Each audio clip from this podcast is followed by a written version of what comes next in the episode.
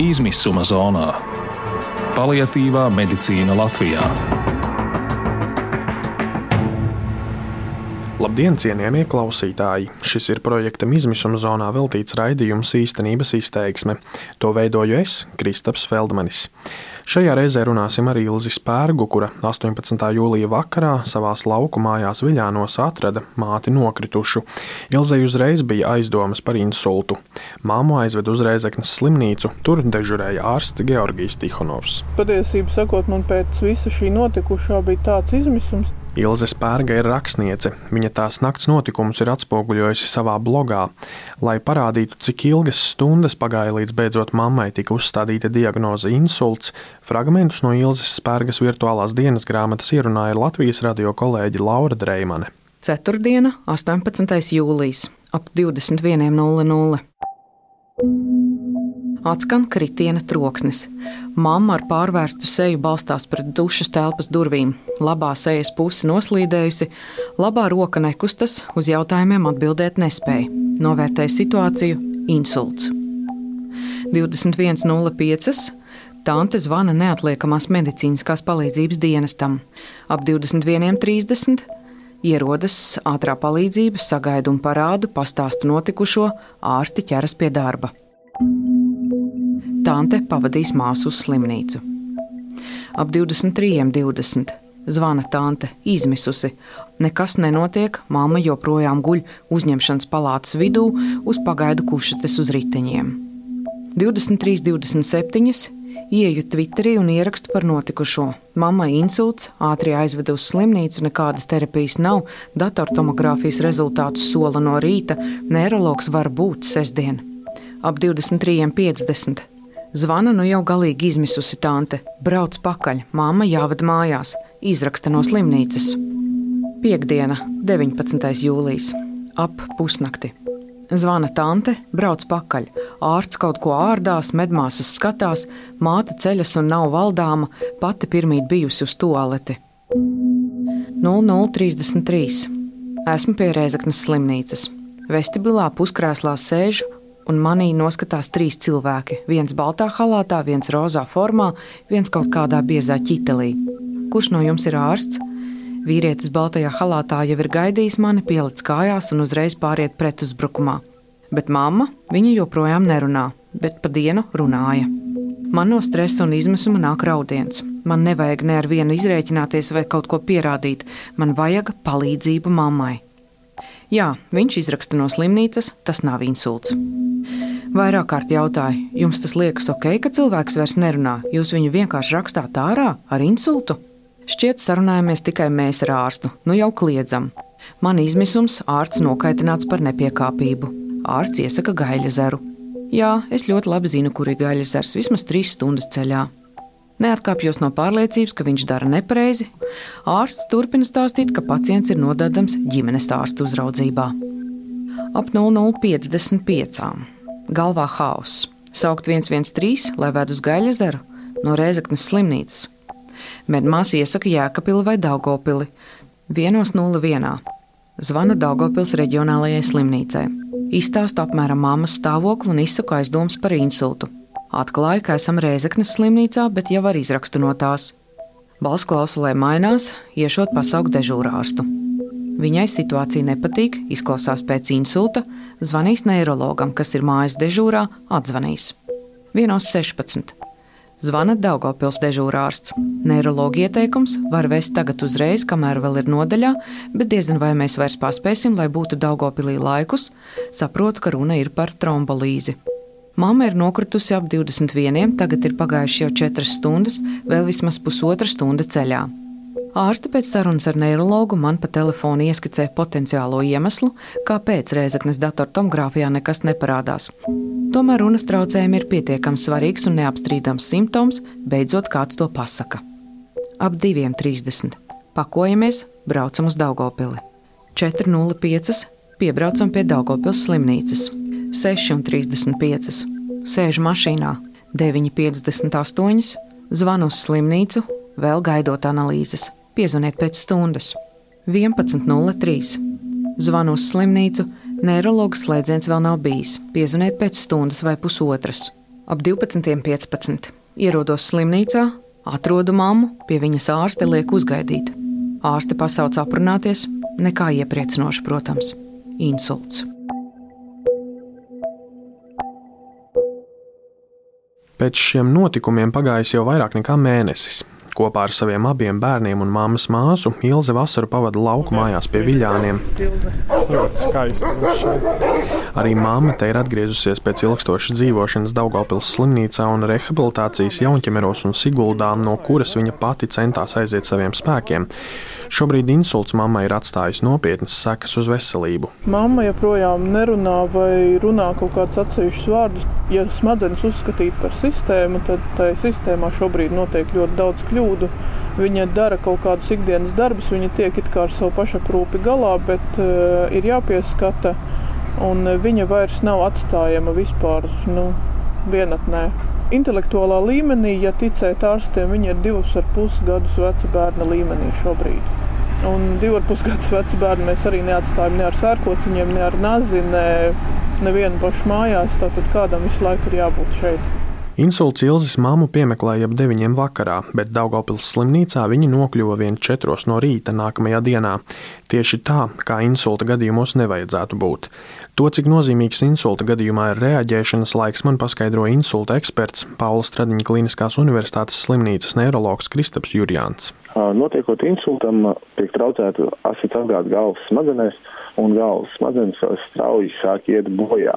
Un, jo vairāk laika paiet, jo vairāk smadzeņu šūnu būs gājuši bojā, un, diemžēl, šīs šūnas nekad neatjaunosies. Nevar jau zināt, kā būtu, ja būtu.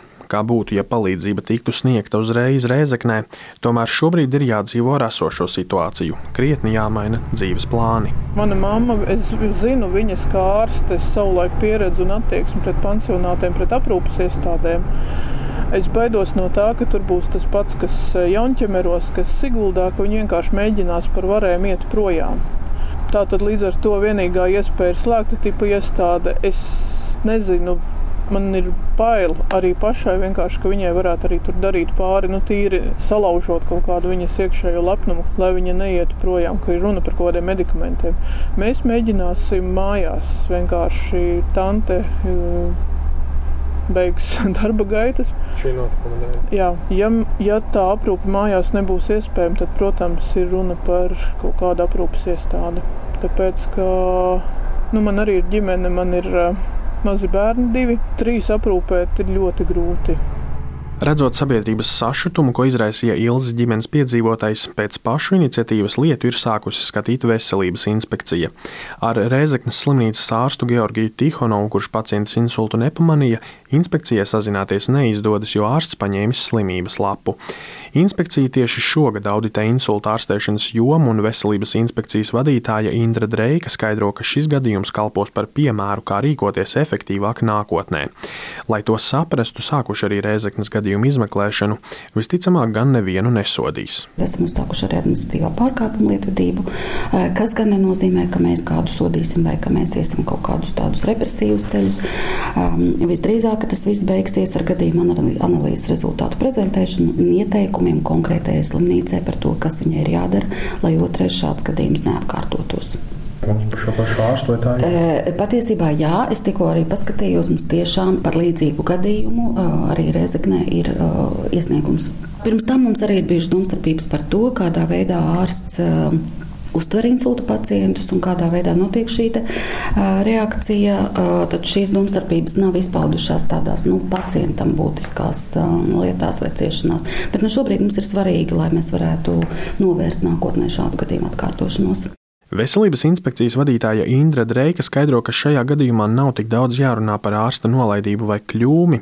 Tā vietā jāsaprot, kādas sistēmas kļūdas dēļ paciente nenonāca tur, kur tai bija jānonāk. Un šajā gadījumā tas, ko mēs varam pārmest ārstam, ir tas, ka medicīniskajā dokumentācijā netika pietiekami pamatoti atspoguļoti ārsta lēmumi, un nebija arī redzami pamatojumi, kāpēc teiksim, šī te rīcība nebija atbilstoša tiem algoritmiem, kas vislabāk varētu palīdzēt pacientam.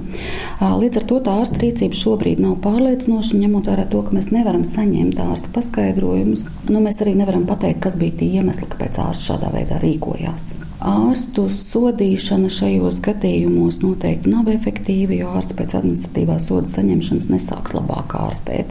Viņš varbūt vairāk baidīsies, jutīsies vairāk sastīndzis, neizpaudīsies rīcības brīvību, bet ārstēšana jau neuzlabojas no tā, ka kāds ārsts tiek sodīts. Tikmēr Anita Slokenberga, veselības inspekcijas vadītājas vietniece veselības aprūpas jomā, met akmeni neatliekamās medicīniskās palīdzības dienesta dārziņā. Dienests neziņoja slimnīcai, ka vēd šādu pacientu ar insultu, jo būtu jāziņo slimnīcai un tad sagaidīt šo pacientu tieši neiroloģis, jo neatliekamās palīdzības dienests bija uzstādījis diagnozi insults. Dienestu gan izbrīna inspekcijas secinājums. Šādu praksi nenosaka nekādi ārējie normatīvie dokumenti, tomēr NMPD tā mēdz rīkoties situācijās, kad konkrētajai slimībai pieļaujamais palīdzības sniegšanas laiks ir teju izsmelts. Dienesta pārstāve Ilze Bukša apgalvo, ka šajā gadījumā rīcība ir bijusi operatīva. No brīža, kad um, pacientu tuvinieki pamana pirmos simptomus, paiet ļoti īsts mirklis, kad tiek izsaukta neatliekamā palīdzība. Neatliekamā palīdzība ierodās, sniedz palīdzību, uh, izvērtē pacienta stāvokli, uh, diagnosticē insultu un jau apmēram pēc stundas pacients ir slimnīcā nogādāts. Turklāt slimnīca, nododot pacientu, brigāde atstāja arī medicīnisko dokumentāciju, kurā ir ietverti gan mūsu etapā veiktie izmeklējumi un tie rādījumi, gan arī šī pirmslimnīcas etapā noteiktā diagnoze. Un, attiecīgi, slimnīcas rīcībā arī šajā gadījumā bija vēl pietiekami ilgs laika lokus, kurā varēja tālāk jau pārņemot pacientu, izvērtēt šo mūsu etapā noteikto diagnozi un lemt par tālāko taktiku. Lai arī veselības inspekcija uzsver, ka šādās situācijās nav jāmeklē vainīgie, jo jau pie tā tik maza ārstu skaita Latvijā šādi sodi no atbildīgiem darbiem atturētu atlikušos, tas nemierina Ilzi Spērgu. Viņas un mammas dzīve ir krasti mainījusies, iespējams ne pašas efektīvākās medicīnas darbinieku rīcības dēļ. Varbūt pašai kādas domas.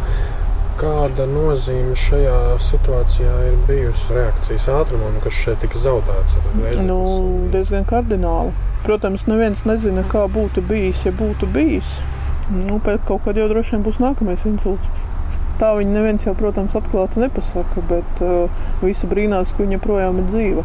Pie jaunās dzīves ir grūti pierast. Patiesībā sakot, man pēc visa šī notikušā bija tāds izmisums, būtu faktiski nepieciešams vai nu sociālais darbinieks vai atbalsts turpat slimnīcā, kas vienkārši pasaka pa soļiem, ka grupu kārto tā, to dara tā, tev ir jāiet pie ģimenes ārsta. Nu, kad nav šī viss ir jāuzzina pašam, pašam jāizdomā arī par to pašu aprūpi, ka principā ir iespējams aprūpētājs Bet uh, es joprojām nesaprotu, vai tā var būt mana tante, vai varbūt ir iespējams vēl kāds cilvēks, kas manai tantei palīdz, piemēram, palaiž viņu uz veikalu. Es joprojām to nezinu, un tas viss ir man pašai kaut kur jāmeklē, jāskrien internetā. Tas, kas iespējams arī būtu ļoti vērtīgi, ka būtu kaut kāda mājas rehabilitācija. Tas, ko es iedomājos, ka būtu vajadzīgs kaut vai triviāli, bet kaut vai tāds pats vienkārši buklets kur būtu aktuālā informācija. Jau šobrīd, pirmajā mēnesī, meklējot informāciju par to, kas viņai pienākas, ir iztērēts milzums laika. Tāpat aprūpe prasījusi daudz naudas. Nu, es esmu nobraukusi benzīnu nezinu cik, bet kur atrodas Viļāna un Daugopils, aizvest, pēc tam apciemot. Tas ir viens eh, rehabilitācijas iestādes, tas ir otrs, eh, kas ir maksas. Par rehabilitāciju apmēram 1000 eiro. Tas ir uh, nu, apmēram 24, 25. Plus par slimnīcu es maksāju Daugopilī, es maksāju arī Reizeknē. Es domāju, ka kaut kāds pusotrs tūkstotis stabili, bet nu, tas ir tā, nerēķinot manu laiku, manus neizdarītos darbus.